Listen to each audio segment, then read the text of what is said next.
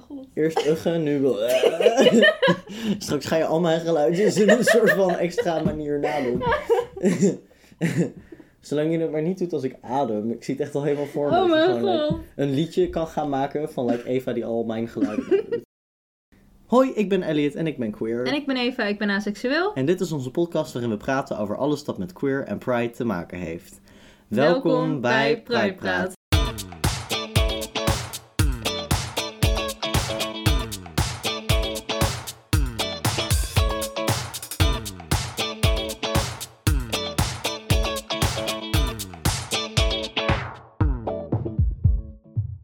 En welkom bij deze aflevering van Pride Praat. Ja, aflevering 39. Yes! Vandaag gaan we het hebben over de non-binaire paraplu. Ja. Even een refresher voor de mensen die niet helemaal weten wat non-binair precies inhoudt. Eva. ik ben natuurlijk de aangewezen persoon om er antwoord op te geven. Van ons tweeën ben ik de expert, Hey, namelijk. jij hebt vrienden die non-binair zijn, dus Jij niet, beter namelijk. vertellen. Niet zoveel. Zeg eens Eva. Zeg eens Elliot. Wat is non-binair? Non-binair is een genderidentiteit. We doen het gewoon- net alsof we labels doen. het labelsegment en dan... Dit was deze aflevering. Door naar de segment. Goed, laten we het woord even ontleden. ja, Want non, betekent niet. precies. En binair, Twee. Ik weet niet waar we voor willen gaan. Maar eh, ja, ja, twee binair staat dan soort van voor man en vrouw. toch? Precies, ja, want dat is de gender binary. Want er zijn er twee. Je hebt man en je hebt vrouw. Ja, En dan heb je mensen die zoiets hebben van man of vrouw, fuck no. Ja. Ik val daar buiten. Ik Ja. doe niet aan die twee. ja. Dus die zijn niet een van die twee, oftewel non-binair. Non-binair. En we gaan het dus hebben over de non-binaire paraplu. ja.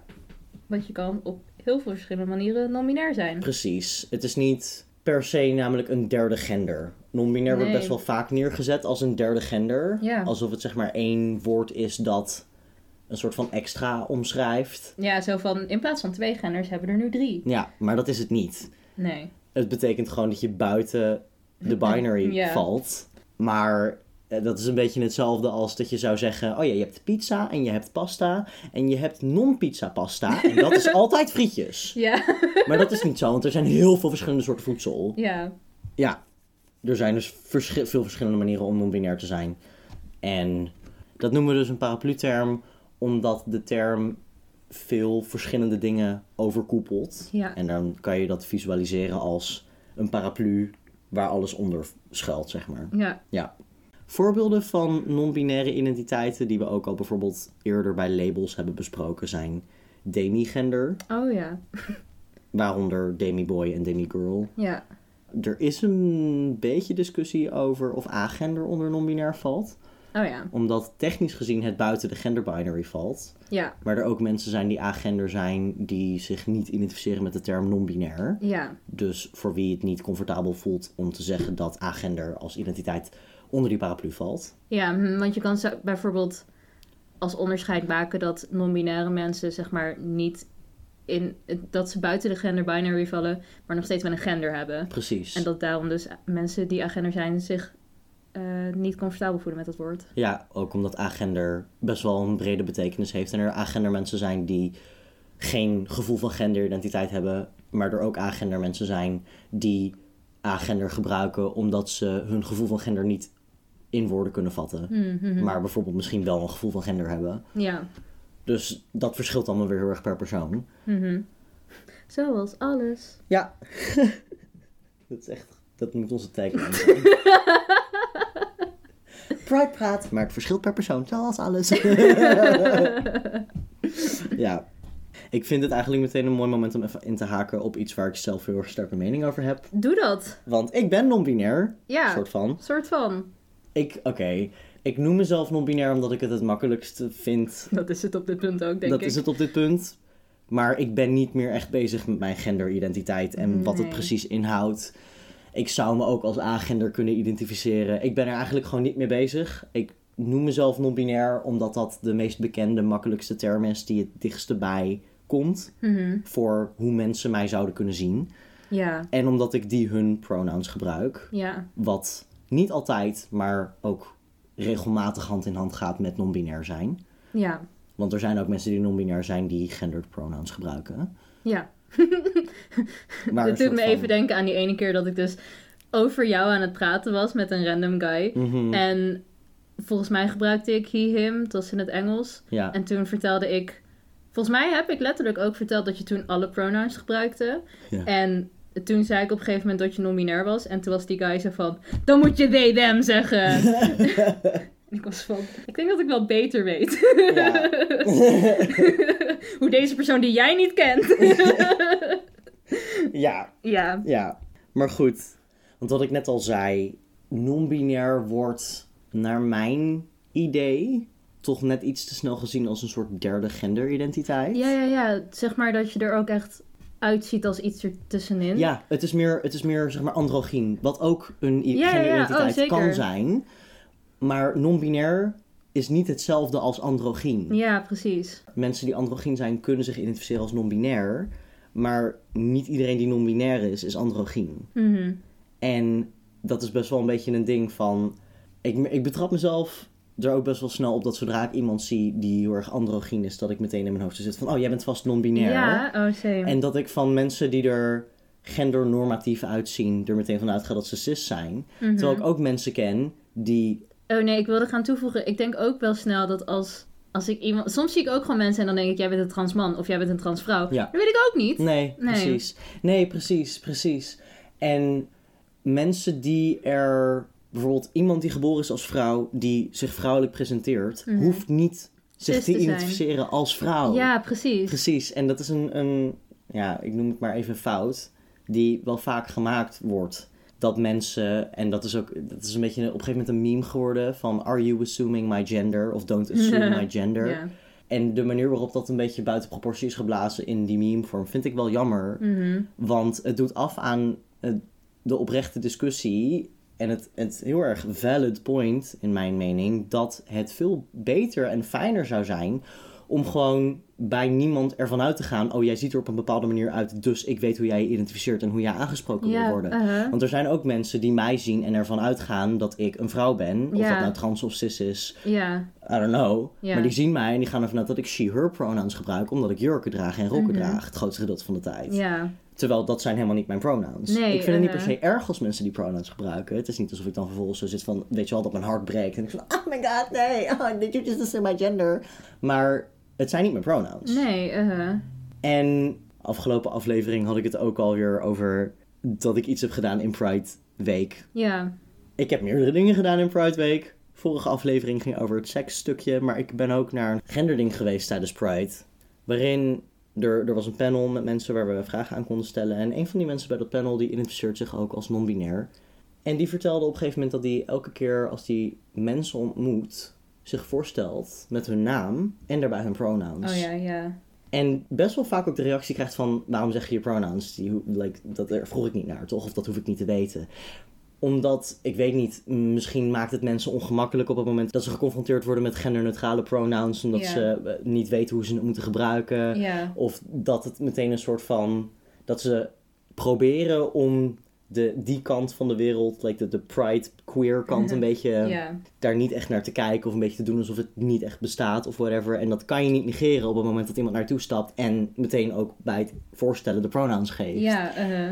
Maar ik denk dat het een heel mooie manier is om het te normaliseren. Ja, het zou echt top zijn. Ja. We zeg maar online in sommige spaces zeg maar ook al doen. Of bijvoorbeeld dat je op Zoom dan je naam op Eva, zij, haar zet. Weet Ja. je wel? Dat soort dingen gewoon in het echt. Ja, precies. Top. Ja, Als we dat zeg maar gewoon normaal maken dat iedereen dat doet. Dan wordt het ook niet meer zo'n raar ding. nee, precies. En een ander ding waar ik ook heen wilde met deze kleine tangent. Want ik begon dus over hè, dat er een soort van het uitgangspunt bijna is non-binair is een soort derde gender en Oh ja, bla bla bla bla.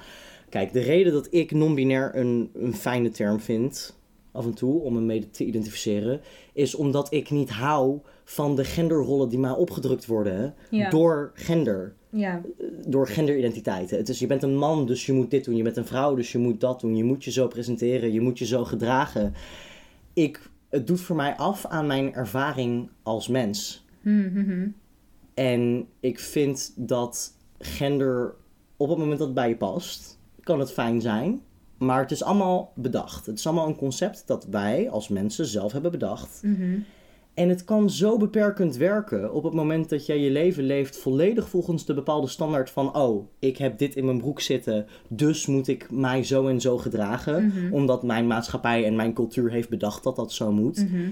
En ik vind non-binair fijn omdat het mij de gelegenheid geeft om mij los te koppelen van al die gedragsregels en Ja. gewoon mens te zijn. Ja.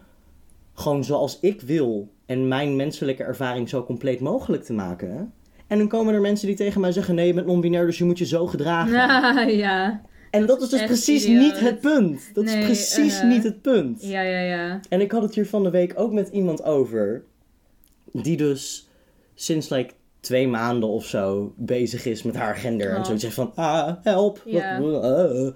En zij voelt dat ook heel erg zo. Want, of nou ja, wat ik in ieder geval van haar begreep... is dat zij het heel fijn vindt om ermee bezig te kunnen zijn. Mhm. Maar tegelijkertijd ook heel erg die paniek voelt om er een label op te plakken. Omdat dat duidelijkheid Mm. geeft. En en tegelijkertijd ook weer een beetje de angst en de druk van de verwachtingen die dan komt kijken zodra je eenmaal een label hebt. En dat is zo jammer. ja, Het is zo jammer. Ja. Want labels moeten er zijn om je zeg maar er goed bij te voelen. Ja, En niet om dan vervolgens allemaal regels opgelegd te krijgen. nee. En druk te creëren. Ja, Net als dat een vriendin van mij bijvoorbeeld zich over het algemeen geïdentificeerd als lesbisch. Maar zich soms ook aangetrokken kan voelen tot mannen. Mm, mhm. Maar lesbisch is voor haar het fijnse label op dit ja moment. precies. En daar gaat het om. Het gaat erom dat je een, een woord hebt dat voor jou matcht met hoe je je voelt. Waar jij je fijn in kan uitdrukken. Maar op het moment dat andere mensen dan naar jou toe komen en gaan zeggen... nee, jij mag dit label niet gebruiken, want dit... of als jij dit label gebruikt, dan moet je je hier aan houden. Ja, uh-huh. Dan is dat dus precies niet wat je wilt. nee, inderdaad. Want uiteindelijk, hoe ik het heel erg zie... de queer community is tot in een, in een zekere zin best wel een manier van rebelleren tegen de heteronormatieve maatschappij. Mhm.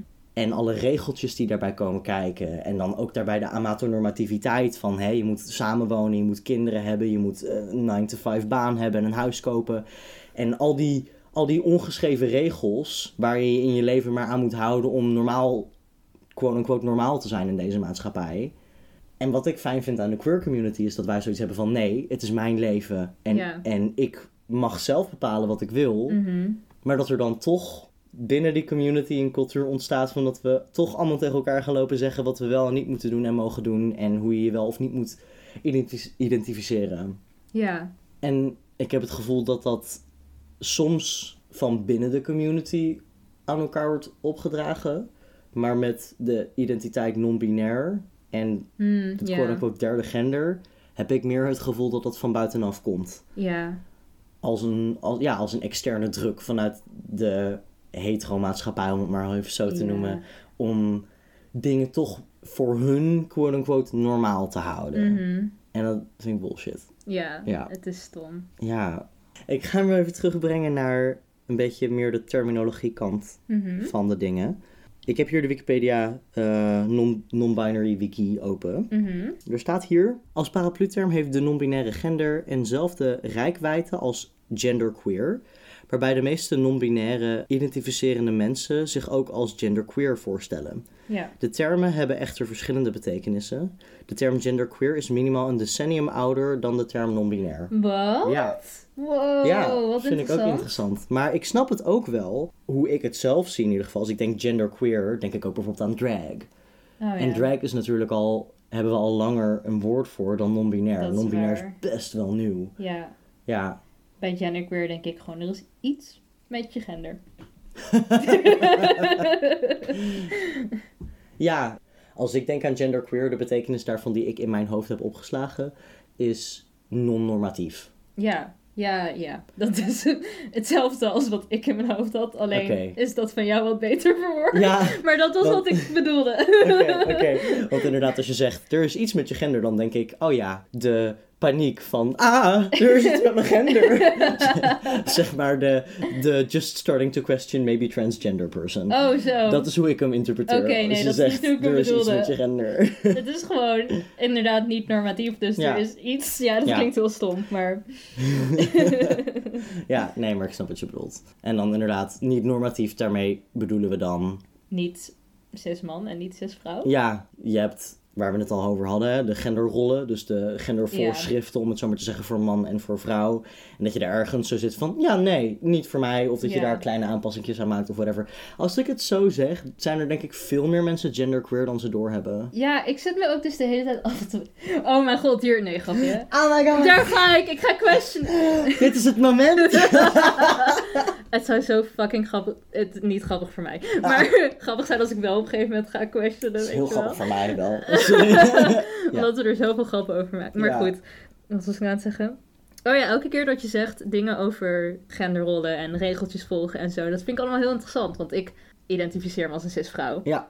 En dus nu vraag ik me af, volg ik dan ook die regeltjes? Ik merk helemaal niet zoveel van die regeltjes. Ik heb namelijk zelf het gevoel dat ik mijn gang kan gaan, weet je wel. Dus ik vind het heel interessant. Mhm. Misschien dat ik, dat ik gewoon uit mezelf meer wel wat voel bij die regeltjes of zo. Of mhm. ik vind het dan zo interessant hoe, hoe het zeg maar bij jou het zich quote-unquote uit in een non-binaire genderidentiteit. Daarin zeg ik niet dat we op hetzelfde level zitten van we willen geen regels volgen. Maar Mhm. I don't know. Zeg maar, snap je een beetje mijn, wat Ja, er omgaat in mijn hoofd? Ik denk dat ik wel snap wat, wat er omgaat in je hoofd.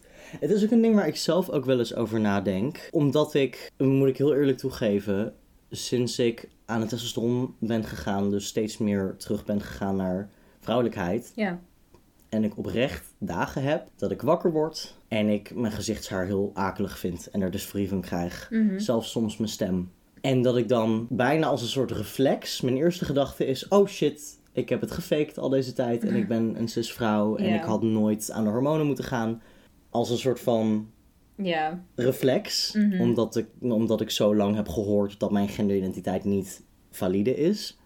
Gelukkig heb ik het nu niet meer. Nu in de zin van dat ik dat Dat meteen reflex, denk. ja. Ja, precies. Uh-huh. Nu heb ik gewoon. Ik heb geaccepteerd dat mijn gender en mijn ervaring van mijn eigen lijf in mijn gender ook fluïde is. En dat ik dus dagen heb dat ik me bij bepaalde dingen wel of niet goed voel. Ja. Net als dat ik vanochtend ineens echt weer helemaal zoiets had van: oh, ik wil helemaal geen borsten hebben. Mm, mhm.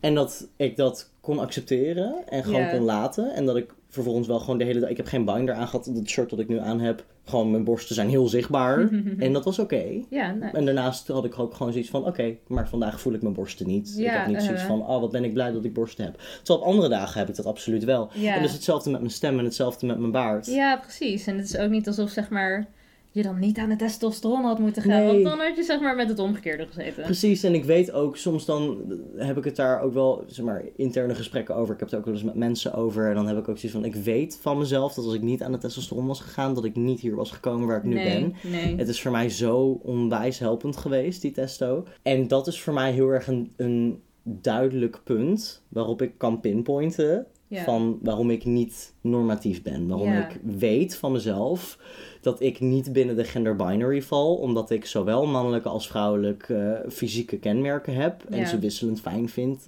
en soms gecombineerd fijn vind. En dat dat voor mij heel passend is.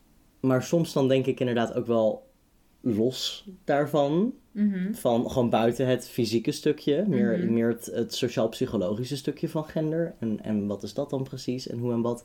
Ik moet zeggen, ik, I don't know. Ik, het is, ik vind het zo ingewikkeld. Ik denk dat het voor mij meer een ding is dat ik het gewoon niet snap. Ja, Dat ik het gewoon echt... Ik begrijp het gewoon niet. nee. En dat heb ik met meerdere sociale constructen. Mhm, dat ik dat gewoon heel moeilijk vind om te begrijpen. Ja, Dus het voelt voor mij een beetje als een gevangenis. Het is vooral denk ik de koppeling aan dat het voorgeschreven normen en regels zijn. Ik gedraag mij zoals ik mij gedraag. Mhm. En mensen kunnen dat labelen als mannelijk of vrouwelijk. mhm.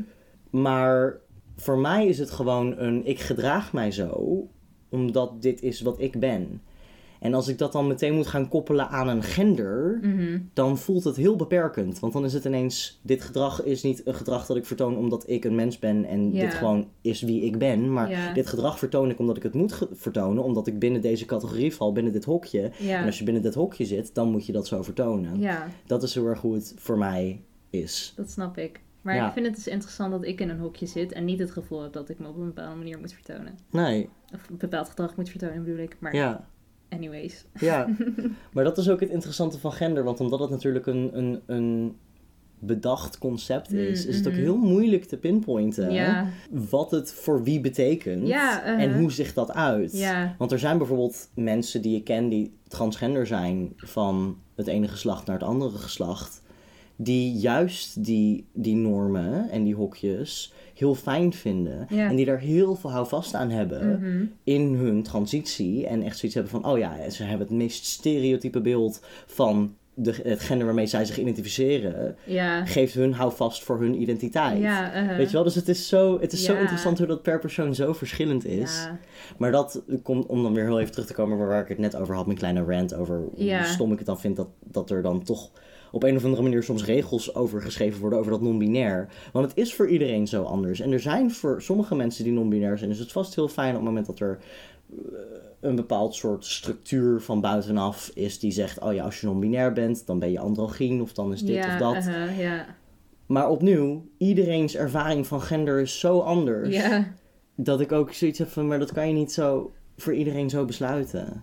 Ja, ik heb denk ik nog wel een ander iets dat hiermee te maken heeft, wat ik ook wel even aan wil raken op de pot. En dat is wel een persoonlijk Mhm. ding. Ik heb het van de week ook gedeeld tijdens Pride, waar ik, waar ik was. mhm. En dat is ook de reden dat ik het hier wil delen, want het was voor mij heel fijn en helpend om te delen. En ook voor andere mensen die deze ervaring ook hebben Mhm. om het te horen van iemand anders. En dat gaat over hoe moeilijk het is of kan zijn om een niet-normatief lichaam te hebben. Ah, Want, hè, wat ik al zei, ik heb mannelijke en vrouwelijke fysieke kenmerken. eh zeg maar ook secundaire geslachtskenmerken van, van beide.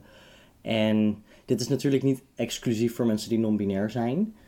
Mensen die trans zijn kunnen dit ook hebben, afhankelijk van waar ze zitten in hun medische transitie. Mensen die intersex zijn, die kunnen hier ook last van hebben. Ik zie mijn lichaam nergens gerepresenteerd. nee, Nergens. nee, Als ik heel hard zoek op websites met binders of whatever, sure. Maar dan Mhm. ook niet naakt. mhm. En ik vind het daardoor heel moeilijk om in de spiegel te kijken naar mijn lichaam en mezelf mooi te vinden. Mm, mhm. Ik voel dat bijna nooit. Sterker nog, ik voel bijna elke dag afkeer voor mijn eigen lichaam. Op een of andere manier. En dat is niet, niet per se hand in hand met, met, met dysforie of zo. Want ik heb het hier ook over gehad met mijn genderpsycholoog bij het VU. En zij interpreteerden het als, een, een groot deel voor mij is mijn lichaamshaar. Zij interpreteerden het als, ik krijg dysforie van mijn lichaamshaar. Het is niet, ik krijg dysforie van mijn lichaamshaar. Nee. Het is, ik heb van jongs af aan geleerd dat als je een vrouw bent, dat je dan geen lichaamshaar mag hebben. Ja. En ik identificeer me niet als vrouw, mhm. maar ik heb wel nog steeds grotendeels een vrouwelijk lichaam. Mhm, Dus ik heb borsten, mhm. maar ik heb ook heel veel borsthaar. Dus dan heb ik borsten vol met borsthaar. Mhm. En mijn armen zijn super harig en worden steeds hariger. Ik ben gewoon een heel, heel, heel harig persoon. Like, you know, throwback naar alle fucking transitie-updates die zijn. Hoi, ik heb meer haar. Mhm. It's still going, guys. Like, ik heb echt zoveel haar. Ik zie me nu echt voor me dat je zeg maar een luisteraar bent van onze podcast en ons Mhm. nog nooit hebt gezien en nu gewoon een heel harig monster voor zich Ja. ziet in plaats van jou. Maar dat is het ding. Want als ik in de spiegel kijk, dan zie ik soms ook gewoon alleen maar een harig monster. Mhm. Niet mezelf. En dat is echt fucking kut. Ja. En al helemaal omdat ik nergens representatie zie van lichamen die lijken op mijn lichaam. Ja, uh-huh. Dat maakt het niet makkelijker. Nee. Want daardoor moet ik alle liefde uit mezelf halen. Ja. En dat is sowieso al fucking moeilijk. Mhm. Voor iedereen. Mhm. Maar op het moment dat je dan nergens die representatie krijgt voor, je, voor, voor jouw lichaam. Mhm. Dan is het ook niet alsof je het... Ik heb niet het gevoel dat ik normaal ben. Wat dat betreft. En dat Ja. ben ik ook niet. Want ik ben niet volgens de norm. Ja. Maar ja, dat, in mijn hoofd wordt het meteen vertaald naar lelijk. Of Ah. mag niet. Ehm, en de reden dat ik hier ook over begon tijdens Pride Week... is omdat we het eh, met een panel hadden over de fetishization van trans zijn. Oh, is dat een ding? Dat is een best wel groot ding er zijn op porno-websites hele categorieën volledig toegewijd aan trans mensen. Mhm. En Maar op een verkeerde manier dus. ja, niet per se. Het is, het, is, het is een beetje lastig te definiëren daarin wat een verkeerde manier Oké, is. ja. Maar heel Is positief. het zou ik- transporno gemaakt voor niet-trans mensen? Ja, Want dat, dat zou ik denk ik een verkeerde manier Ja. noemen. Net als ja, lesbische porno voor... precies. Voor Ja. hetero mannen. Ja, Ja, precies. precies. Dat is inderdaad een beetje meer de vibe. Ja, Niet alle porno natuurlijk, hè. Ik bedoel, nee, nee. ik heb ook in mijn leven eh, transvriendelijke porno gezien, gemaakt voor mensen, eh, voor, voor trans mensen, door trans mensen. Mhm. Maar de fetishization is er best wel, net als dat er ook, het is een beetje, het is nieuw, het is anders. Ja. Non-binair zijn ook, hè. Het is zo anders, dat er echt mensen zijn die daar heel hard op kikken. Die echt Oh. zoiets hebben van, ah, weet je wel, ik heb nog nooit iemand gezien zoals jij. En daar dan heel geil van worden of whatever. Ja. En dat is iets dat het voor mij persoonlijk nog lastiger maakt Mm, om mhm. mezelf mooi te vinden. Ja. Want ook al hoor ik het van andere mensen, Oh, ja. dan heb ik in mijn hoofd meteen een stemmetje dat zo is van... Ja, maar dat is niet omdat ze het echt mooi vinden. Mhm. Maar dat komt omdat, omdat ze gewoon geilen op je. Omdat het een soort Oh, fetish is. Ja. En niet dat een fetish per se meteen ook betekent dat je het niet oprecht fijn of mooi kan vinden. Natuurlijk niet. Mhm. Maar het geeft toch een extra laagje eraan. Ja, dat snap ik. Ja. Ja. En dat is echt, dat is echt heel lastig. Ja. Ja. En de reden dat ik, dat ik het toch, ondanks dat het heel dichtbij komt en heel persoonlijk is, Mhm. dat ik het wel belangrijk vind om het te noemen op de podcast, is gewoon de kans dat er iemand is die hier naar Ja. luistert, die dit ook zo voelt. Mhm. weet dat je niet alleen bent. Want totdat ik dit vorige donderdag uitsprak op Pride, wist ik niet dat er andere mensen waren die dit ook zo voelden. Mhm. En voelde ik mij zo alleen hierin. Mhm. En dat is zo moeilijk en zo pijnlijk. Mhm. En toen sprak ik het uit en achteraf zijn er zoveel mensen naar mij toegekomen om me te bedanken dat ik het Oh. noemde. Omdat zij dat ook voelden en ook dachten dat ze alleen waren. Oh. Heb ik tips gekregen van mensen Oh, die, fijn. die hè, daarmee dealen op hun eigen manier. Zoals bijvoorbeeld eh, een van de panelleden die gaf me het advies om een Finsta te maken. Dus een, een privé Insta-account waar alleen specifieke mensen me mogen volgen. Mhm. Waarop ik gewoon like, foto's van mezelf post. Mhm. Waar ik me heel erg confident over voel. Zo naakt als waar ik comfortabel bij ben. Om gewoon mezelf een beetje die confidence boost te Nou, geven. Dat, soort, dat soort dingen. En ja, het is heel helpend en fijn in deze om te weten dat je niet alleen bent. Ja. Ja. Het, ik moet tijdens dit verhaal de hele tijd denken aan een Instagram pagina die er is. Die heet This is what asexuality looks like. Of This is Oh. what asexual looks like of zo. Ja. Fucking coole pagina. Ja. Daar worden dus heel vaak gewoon foto's van asexuele mensen geplaatst met een verhaaltje eronder over wie ze Ja. zijn. En Ja. iedereen in de comments is altijd zo van, oh my god, jij bent zo cool. Dit zou er ook moeten worden komen, maar dan voor this is what non-binary looks like. Misschien en dan, is dat er al wel. Het zal vast. En dan Ja. gewoon heel veel verschillende lichamen Ja. en mensen. Ja. Want dat, dat vind ik ook het coole aan de asexuelen. Dat je gewoon ziet hoeveel verschillende mensen Ja. er zijn. Maar voor zoiets kan het echt heel belangrijk zijn. Ja.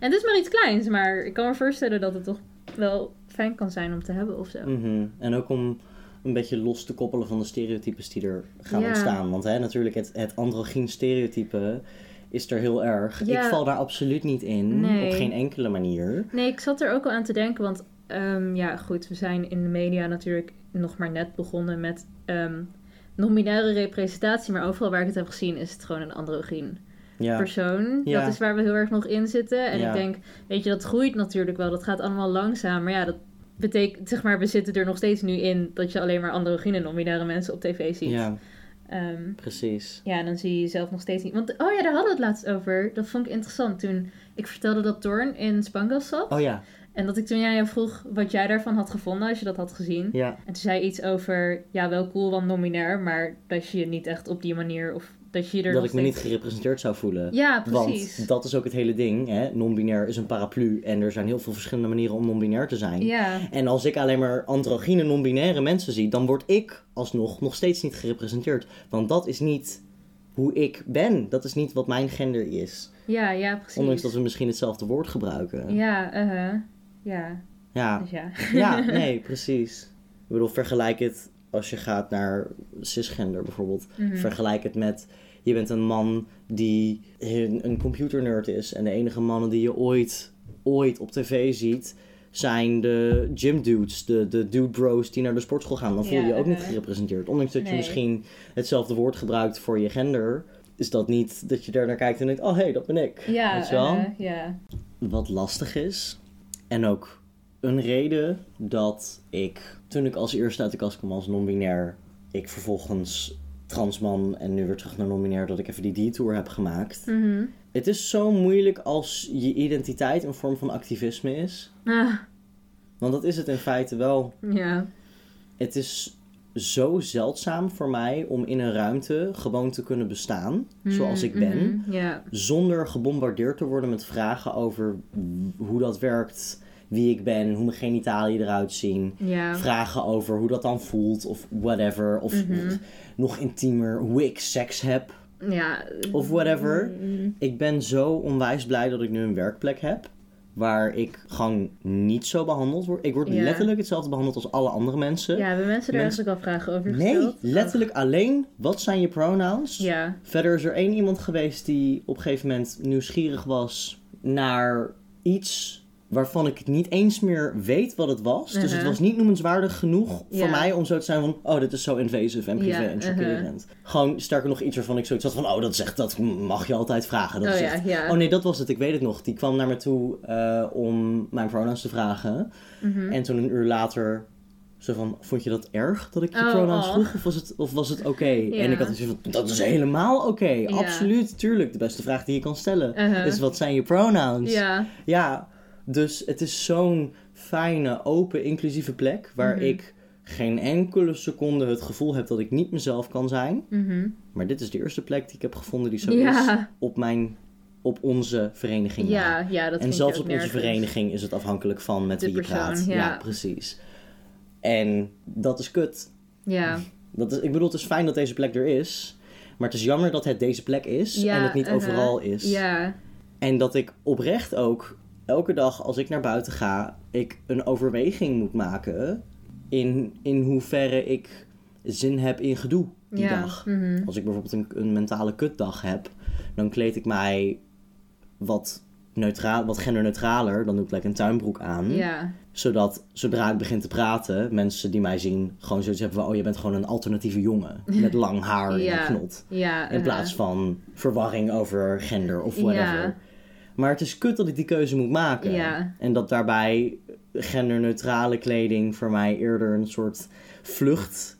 Een, een, ja, een toevluchtsoord is dan Mhm. een manier om mezelf comfortabel te voelen. Ja. En dat is stom. Ja, ik vergeet dat soms ook echt heel erg. Eigenlijk altijd, tot je het Dat ik het doe. weer een keer Ja. bedoelt. Want ik, toen je zei over je identiteit als activist, me, toen was ik zo van, is asexualiteit dat ook? En toen dacht ik, oh nee, want mensen hebben het helemaal niet door. Zeg maar, mensen, ik heb natuurlijk ook dat zeg maar mensen, er een boel mensen zijn die met mij heel veel over asexualiteit willen praten, zodat ze weten dat ik asexueel ben. Ja. Maar dat is, zeg maar, ik heb dat in de hand. Wanneer ik Mhm. mensen vertel of ik asexueel ben. Het is niet dat ik uit de deur stap en je ziet... Oh, jij bent afwijkend. Afwijkend, stom woord. Maar weet je wel? Ja. Maar bij jou is dat wel zo. ja, Ja, dat lijkt me gewoon echt kut. Want dan kan je het dus ook niet echt uitzetten. nee, nou ja, er zijn in deze natuurlijk verschillende levels. Ja.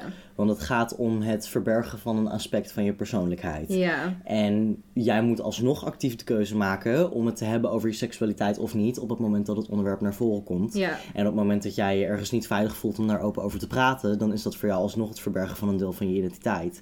Ik kan het ook verbergen. Bij mij komt het alleen ietsje dichterbij, want het gaat letterlijk over hoe ik eruit zie op een Mm, dag. mhm. Dus dat is iets, komt iets vaker voor of ik het verberg of niet. Het doet me ook denken aan een vraag die een van de panelleden gesteld kreeg tijdens de avond tijdens Pride Week. Want alle drie de panelleden waren niet wit.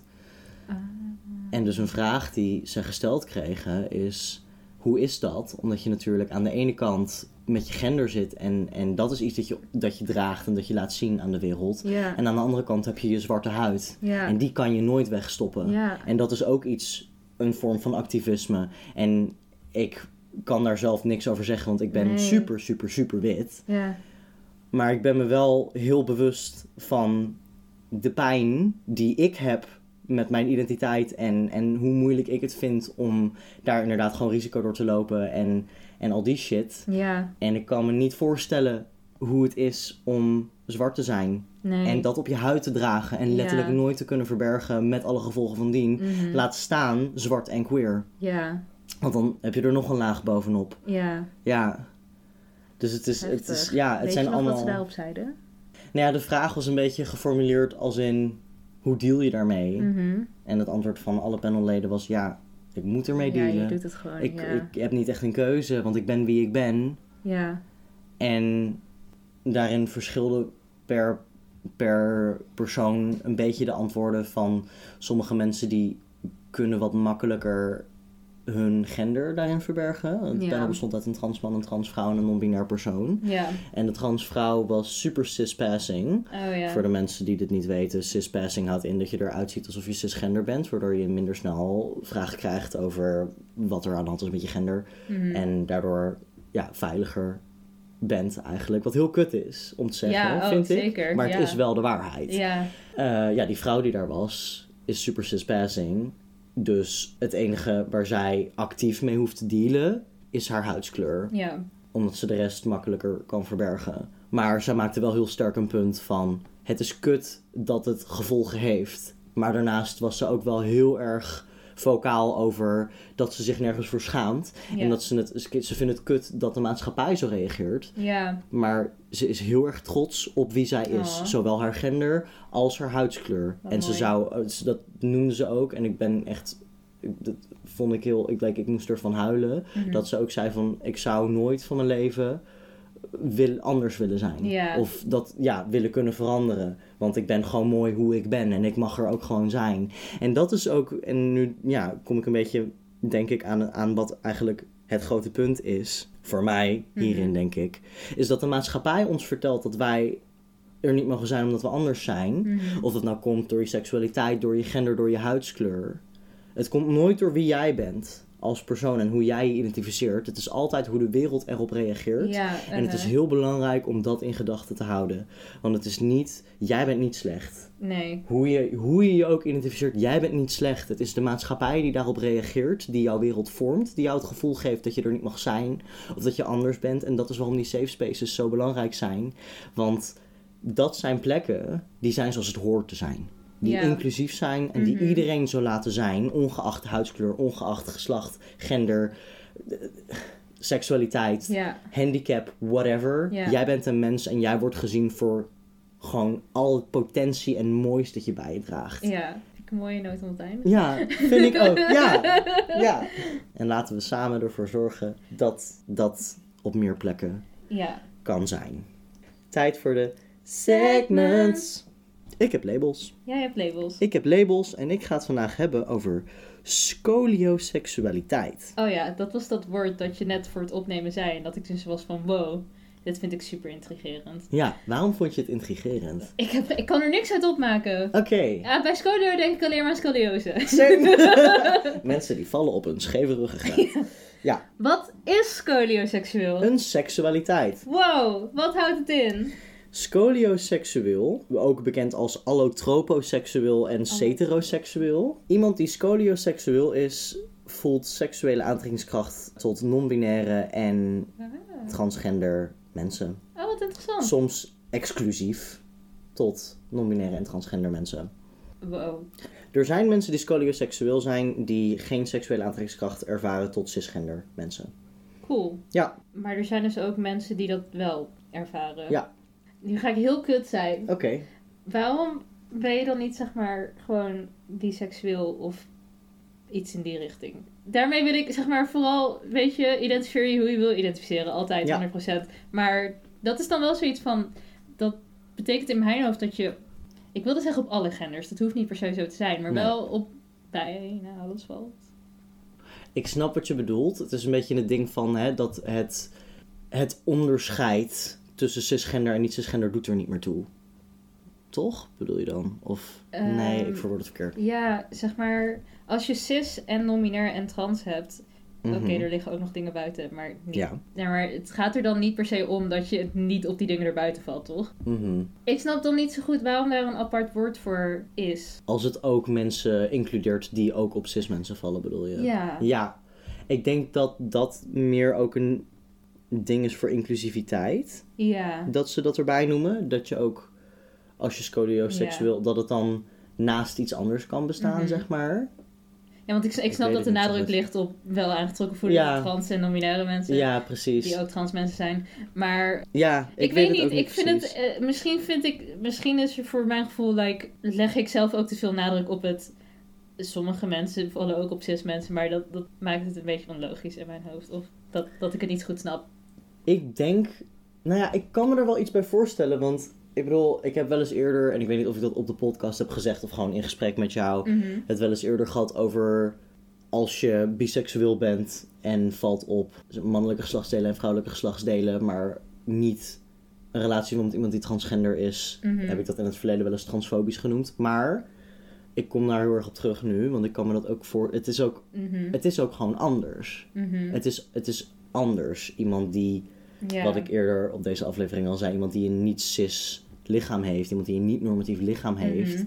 Ik snap dat niet iedereen zich daar tot aangetrokken voelt. Ja. En ik denk dat de achterliggende betekenis bij dit label is dat mensen die scolioseksueel zijn, wel die aantrekking voelen tot niet-cis lichamen. Ja. En dat geldt niet voor iedereen die biseksueel of panseksueel of whatever is. Ja, ja, ja. Ik denk dat dat meer het onderscheid is dat hiermee wordt gemaakt.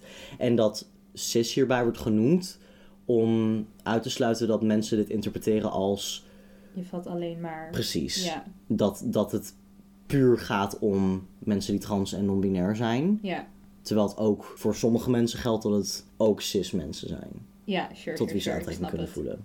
Ja, ik denk dat mijn hoofd gewoon zegt, dit hoeft geen apart label te zijn. Maar dat sommige mensen vinden, dit moet wel een, voelen, dat Ja. dit moet wel een apart label zijn. Dus dat ze dan het label gebruiken. Ja, nou ja, ik kan het me ook voorstellen, want ik weet niet of je de term T voor T kent. Oké, je schrijft het als T4T.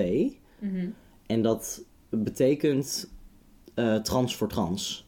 Ja, En dat gaat dus over trans mensen die exclusieve relaties willen met andere trans mensen. mhm. En dat kan voortkomen uit een soort van intern gevoel van dat je een relatie wil met iemand die de transervaring snapt. Maar ik Mhm. kan me ook voorstellen, dus eh, ik kan me ook voorstellen dat het voorkomt uit een soort van gewoon die aantrekking inderdaad tot niet-cis lichamen. ja. Maar dan heb je dus het stukje cis niet meer nodig. Nee, precies. Ja, het is een, het is een interessant discussiepunt. Ja, ja. anyways. maar goed. Ehm, voordat we doorgaan naar de vlag. ja. Staat er ergens waar de naam vandaan komt? Dat staat er zeker. Scolio betekent scheef, gebogen. Oké, Ja. Cetero, want hè, er zijn dus drie, ja. drie verschillende termen hiervoor. Cetero staat voor de rest of de ander. Uh-huh. En allotropo is gebaseerd op het Griekse woord voor anders en En? manier van leven. Oké. De vlag. Er zijn meerdere voorstellen gedaan van de vlag. De eerste vlag die gecreëerd is, komt uit 2013. En die ziet eruit als horizontale strepen van boven naar beneden in de kleuren geel, groen, wit en zwart. Met daaroverheen een paars hart. Als in de vorm hartje, niet mensenhart. Geel staat voor non-binair zijn of de aantrekkingskracht tot non-binaire mensen. Groen staat voor andere genders zoals bigender en genderqueer. Beetje dubbel, want bigender valt onder de non-binaire paraplu. Maar goed, en genderqueer kan daar ook onder vallen. Anyway. En zowel wit als zwart staan voor neutrale genderloosheid. Zoals agender of gender questioning. Mhm. En het paarse hartje staat voor de, eh, liefde buiten de gendernormen. Oké, Dat was de vlag. fun. Dat was labels. Dan is het nu tijd voor. Theekrantje. De theekrantje vraag van vandaag is: Voor wat in je leven voel jij je het meest dankbaar? Oeh, het meest is een groot woord. Oké, in dat geval, voor wat in je leven voel jij je dankbaar? Ehm, ik voel me dankbaar voor jou. Sorry. Dat is zo lief! En voor de podcast. En voor onze luisteraars. Ja, En voor mijn ouders. En voor al mijn andere vrienden. En alles in het leven komt er nu een hele lange opzomming? Dit is waarom de vraag was het meest. Ja, maar zodat dat je is niet toch een hele lastig. opzomming... Mijn hoofd deed als eerste... Nou nee, mijn hoofd deed als eerste weer jij. Maar ehm, toen dacht ik... Ben ik echt het meest dankbaar in mijn leven voor Elliot? Het klinkt heel stom, maar you know... Ja, nee. Het meest dankbaar is gewoon groot. En toen zei Ja. mijn hoofd... Mijn leven. Ik denk dat ik in mijn eerste. leven het meest dankbaar ben voor dat ik leef. Of zo. was ook het eerste waar ik aan dacht. ja, Ja. want... Nou ja, weet je... Ik wilde zeggen, uiteindelijk is het leven alles wat je hebt. Maar dat dekt niet de lading van wat ik wil zeggen. Alles wat je in je leven hebt waar je dankbaar voor zou kunnen zijn, zou er niet zijn als je geen leven zou Ja, hebben. precies. En eh, uiteindelijk is je leven het belangrijkste wat je hebt. Want als je het niet meer hebt, is er niks meer. Ja, precies. Afhankelijk van wat je gelooft. Van Ja, wat er gebeurt als je doodgaat. Maar ehm, ik geloof dat. ja, nee, precies. Mijn eerste ingeving was ook mijn leven. Maar ik ben het er niet helemaal mee eens. Dat dat het is waar ik het meest dankbaar voor ben. Mhm. Ik zoek naar hoe ik dit het beste kan verwoorden. Ik ben het meest dankbaar voor mijn kracht. Ah, gaaf.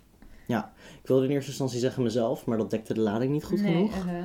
Omdat er ook absoluut kanten zijn van mezelf waar ik helemaal niet dankbaar voor ben en waar ik echt ja. dagelijks mee worstel. Mhm. Maar mijn kracht is Mhm. wat mij elke dag op de been houdt en wat ervoor zorgt dat ik nu nog steeds leef. Ondanks dat ik uit een heel, heel donker gat kom. En ja, ik ben heel dankbaar voor mijn kracht. Want als ik die kracht die ik heb niet had gehad, dan was ik niet waar ik nu ben. En het, soms dan mag ik wel even me volledig realiseren dat alles wat ik heb en waar ik nu ben in mijn leven, dat komt door mezelf. Mhm. En natuurlijk met hulp van anderen en met dank aan anderen. Maar uiteindelijk doe ik het allemaal zelf. ja. En daar ben ik heel dankbaar voor. Nice. Ja, Cute. ja. En ook voor jou. en de luisteraars ook.